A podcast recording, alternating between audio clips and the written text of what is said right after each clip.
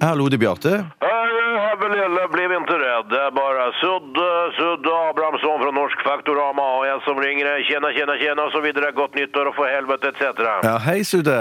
Norsk Faktorama är ett marknads-, medie och analysinstitut som för tiden ringer upp till ett representativt utvåg för den norska befolkningen och frågar om en massa löjlig skit som våra kunder har betalt oss för att fråga. Bla, bla, bla, bla, för helvete satan. Ja, ja, det, det, jag, jag skönte där. Fan, du är klokare än Veronica Maggios huvudfödda barn, Bjarte. Ja, du, vad gäller detta Sudde? Du, jag har några frågor idag om underliv och mejeriprodukter.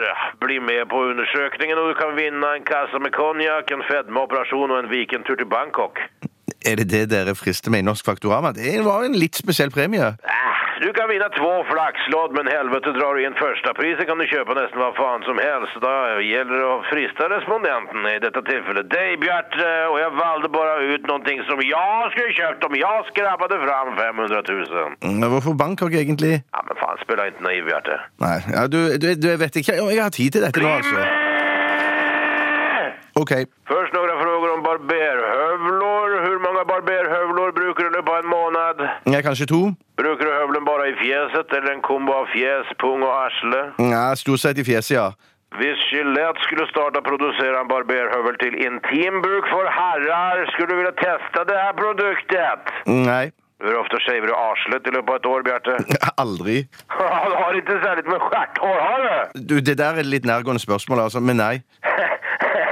På det där området är vi ganska olika. Hade jag orkat att ringa en representant för Guinness fuckings rekordbok och den lokala polisen och jag låtit dem kika i mina kalsonger så ville jag hamnat på första sidan i 2013-utgavan av den jävla rekordboken Welcome to the pubic hair jungle liksom. Såpass. Du, Hvorfor friserer du ikke litt, grann, da? Äh, varför då? Jag ska inte imponera någon. Jag har min uppblåsbara väninna och chattroulette och de är ju fan. Mm, Akrobat. Så här är ett par frågor om kesam. OK. På en skala från 1 till 12, hur mycket gillar du kesam? Nei, fire. Vad i helvete gillar du inte kesam? Ja, jo, litt. Fire, sa jeg jo. Ja, men jag sätter nia. Kesam är jättegott ju. Ja, whatever. Hvis du måste välja mellan kesam, römma och yoghurt naturell, vilken produkt skulle du välja? Ja, du skriver vel kesam uansett? Stämmer. Ja, rømme, da. Jag sätter kesam. Hvis Tine Meijer skulle lansera en produkt som ett keshurt, en blandning av kesam och yoghurt, skulle du vilja pröva den här produkten? Nei. Ja, men varför inte? Din reaktionära jävel, det kommer ju bli ett jättegott produkt! Keshurt! Mm, mm, mm, smakar jättegott! Nam, nam, nam! Nei, du, jeg tror ikke Kesot kommer til å bli noe jettegodt. Fan vad du är tråkig. Här ska Tina bruka miljoner av kronor för att lansera ett nytt produkt och så vill du inte ens vurdera att testa den jävla kesurten. Varför i helvete vill du inte det? Jeg er ikke så interessert eller opptatt av meieriprodukter, Sudde. Det er jo en mening, det òg. Ja, Okej, din gamla sura gubbfan, tack för intervjuet. Ja, sender du de flaksloddene, da? Du provar kesurt. N eh, OK, da. Ja, fan, jag har skrapat dem, men du vann inget. Jag sänder dem en dag.